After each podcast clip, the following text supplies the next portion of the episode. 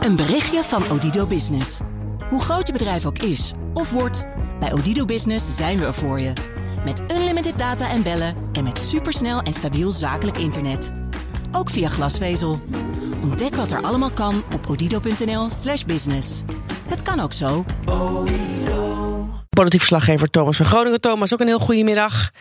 Goedemiddag. Zometeen gaan we het hebben over corona en de politiek. Natuurlijk, daar kunnen we niet omheen. Maar eerst even de formatie. Want gisteren hoorden we nog optimistische geluiden. Dachten we, nou, nou, zo, zo, volgende week. En vandaag worden die getemperd. Wat is er aan de hand? Ja, dat waren bronnen gisteren die dat aan RTL melden. En vandaag bij de inloop, zoals het dan heet. Hè, dus als dan de, de onderhandelaars aankomen en Remkes en Koolmees daar... Uh, vroegen journalisten natuurlijk meteen aan Remkes van... Hey, uh, eind volgende week een, uh, een doorbraak. Uh, ligt er dan een coalitieakkoord? Kunnen we dan meer verwachten? Nou, nou, meteen werden de verwachtingen getemperd. Hij zei nee, wij zijn pas drie en een halve week bezig. En ja, kijk, je weet gewoon dat het, het, duurt langer als je echt inhoudelijk gesprek aan het voeren bent. Dat lukt niet in een paar weken. Hè. En dit is voor het eerst, benadrukken de informateurs, dat er echt inhoudelijk gesproken wordt deze formatieronde. En dus zeggen ze, ja, het gaat nog wel even duren. Dus eind volgende week, dat wordt echt...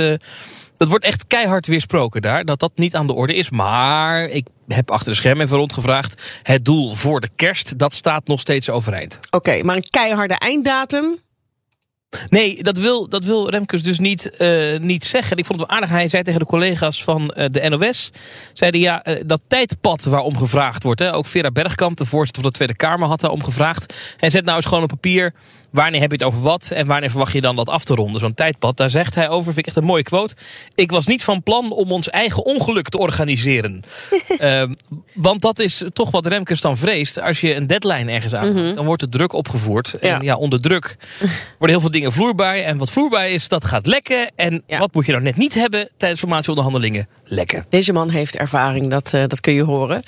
Uh, ja. Thomas, dan naar ons nieuws van de dag. Heeft te maken met uh, corona. OMT-leden neigen naar maatregelen voor de horeca en evenementen. Dat zeggen bronnen rondom het adviesoverleg aan BNR. Wat voor maatregelen willen ze nou?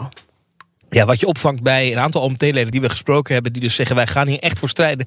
en wij willen dat dit het advies wordt... dat is kroegen, horeca, toch weer wat eerder dicht. Nu moeten die om middernacht sluiten. Dat zou dan een paar uur naar voren moeten... om die contactmomenten tussen mensen omlaag te brengen. Uh, ze zouden het ook graag weer verplicht willen zien in de horeca... dat je op je stoel moet zitten. Nu mag je ongeplaceerd zijn, zoals dat heet. Ja. In de horeca, daar willen die OMT-leden toch vanaf. Die regel is al eerder geweest. Je moet zitten. Dat zou het aantal contactmomenten omlaag brengen... waardoor er dus minder besmettingen in theorie zouden zijn. En datzelfde geldt ook voor ongeplaceerde evenementen. Dus denk aan dansfeesten, carnaval, dat soort dingen. Ja. Zou je tijdelijk even on-hold moeten zetten, zegt het OMT. Uh, allemaal om die uh, besmettingen dan langzaam omlaag te, te brengen. Ja. Uh, maar dat zijn twee sectoren die keihard geraakt zijn. En zij willen daar nu toch weer tijdelijk even ja, een slot op hangen. Ja, daar neigen ze naar. even voor duidelijkheid, het is nog niet het officiële advies. En we weten dus ook nog niet ja, of het kabinet hier überhaupt dus iets mee gaat doen, hè? Nee, en dit is interessant. Kijk, dat, dat we, we hebben echt wel wat OMT-leden gesproken. En we weten dat er binnen het OMT ook uh, uh, deskundigen zijn die zeggen... nou, je kan beter nog even een week wachten. Laten we dan nu nog niet hele vergaande maatregelen nemen. Misschien wel het coronatoegangsbewijs uitbreiden naar uh, bijvoorbeeld winkels. Hè. Uh, dus je, je hebt het nu al bij de musea, straks ook bij de IKEA, zeggen ze dan. Nou, die OMT-leden die willen dat, maar er zijn binnen dat, hè, dat is een flinke club met deskundigen. En een aantal daarvan is echt keihard. Dit moet, we moeten dit adviseren dat die maatregelen nodig zijn vanaf dit weekend.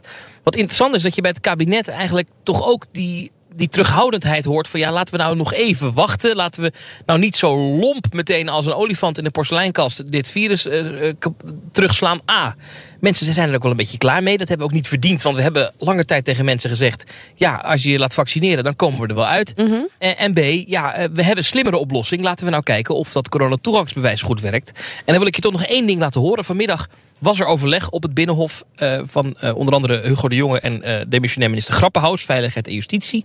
En die laatste die zei het volgende, en dan moet je toch even luisteren over hoe hij denkt dat we dus deze winter gewoon in de kroeg kunnen zitten. Wat ik echt belangrijk vind is, we willen echt zoals we hier staan en zoals we met elkaar toch nog gewoon in de kroeg kunnen zijn. eh, zoals we met elkaar naar een museum en dat soort dingen kunnen. Dat willen we echt gewoon volhouden deze winter. Dus laten we dan gewoon in dat apparaatje zorgen dat we het allemaal naleven. En laten die ondernemers zeggen: Oké, het kost me even iets extra, maar ik ga het controleren. En ik ga het nog eens een keer zeggen: ik heb er 45 miljoen euro voor bij elkaar gehaald voor oktober, november, december. Dat geld in oktober was lang niet op. Dus ik dacht, nou, kan nog best beter gebruiken. Doe dat nou. Voor... Ja, maar het klinkt toch alsof het kabinet het niet ziet zitten. Nee, uh, hij zegt, hè, we willen deze winter gewoon volhouden... dat je met dat corona-toegangsbewijs... waar dus wat geld voor uitgetrokken is om dat mogelijk te maken...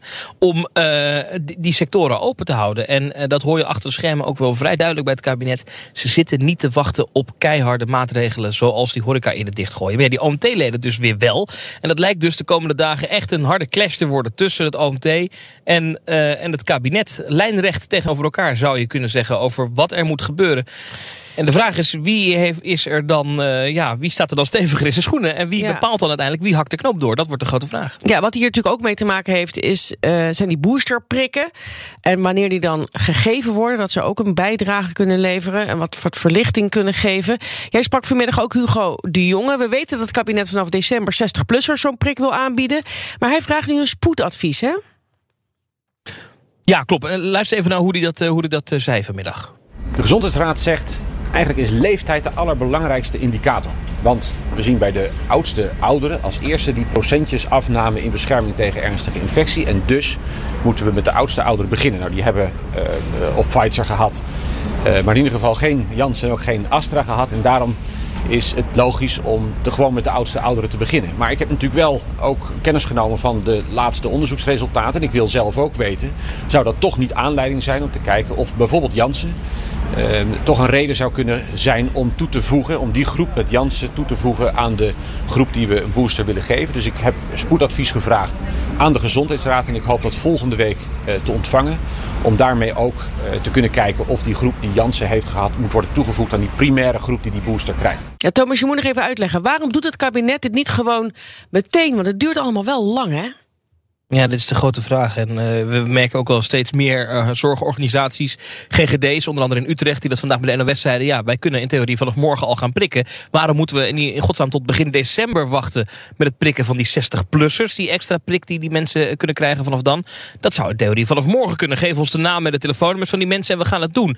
Ja, het kabinet zegt toch, er is meer voorbereidingstijd voor nodig om dat zorgvuldig te doen. En ja, bij Jansen willen ze toch even afwachten wat de gezondheidsraad daarvan zegt. En vergis je niet, de de Gezondheidsraad zei tot kort geleden nog... dat boosterprikken helemaal medisch gezien niet nodig waren. Daar zijn ze van teruggekomen. Nu vinden ze het wel nodig voor bijvoorbeeld 60-plussers... waar ze toch zien dat de bescherming van die vaccins snel afneemt. Uh, want die hebben allemaal AstraZeneca mm -hmm. gehad. Ja, en bij Janssen zie je dat dus ook. Uh, bij dat Janssen-vaccin. Ja. Uh, maar ja het, is, ja, het kabinet is dat toch heel zorgvuldig. En ik moet zeggen, in de Kamer hoor je dan ook wel veel partijen zeggen... dat ze een beetje een déjà vu hebben naar het begin van de vaccinatiecampagne. Misschien kan je het nog herinneren. Alle landen om ons heen waren al volop aan het prikken. En wij nog niet. En dan zei, uh, de tweede, uh, zei Hugo de Jonge in de Tweede Kamer... ja, maar wij doen het zorgvuldig. Ja, zorgvuldig, maar wel laat. En ja, hoe eerder dit komt, in theorie kan het wat verlichting bieden. Al zeggen alle deskundigen wel dat je met die boosterprikken... jezelf uh, niet uit een, een, een, vierde golf prikt. Want het duurt zes, zeven weken voordat mensen beschermd zijn. En ja, tot die tijd lopen die besmettingen wel op. Ja, het, het gaat veel hè, over, die, over die boosterprikken deze tijd. Intussen hebben we in Nederland een, een QR-code voor mensen die gevaccineerd zijn. Um, mag je die nou straks houden als je geen extra prik haalt? Ja, dat is een hele belangrijke discussie die uh, ja, in, in Den Haag nog niet echt geland is, maar in andere landen al wel. Je ziet het bijvoorbeeld in Oostenrijk, waar je met je Janssen-prik uh, een tweede prik moet hebben. Wil je een QR-code daar krijgen om bijvoorbeeld de horeca te bezoeken of de skilift, mocht je naar Oostenrijk gaan. In Frankrijk geldt dat voor 65-plussers vanaf half december ook. Als je als 65-plusser geen boosterprik hebt gehaald... dan heb je vanaf 15 september, uh, december sorry, geen pas sanitair meer. Kan je niet meer overal zomaar naar binnen. Nou, de vraag aan Hugo de Jonge was... Uh, is dat nou ook iets wat we in Nederland gaan doen? En dan zegt hij nee, dat is in Nederland nog geen beleid. Luister even. Dus met de Europese collega's trek ik wel graag samen op om daarin gezamenlijkheid beslissingen in te nemen. Nou, in landen zelf kun je natuurlijk inderdaad hebben dat landen soms andere keuzes maken ten aanzien van 2G-beleid of wat dan ook. Ja, dat is echt aan landen zelf. Wij hebben op dit moment niet het voornemen om uh, die boosterprik ook als onderdeel te maken van het coronatoegangsbewijs.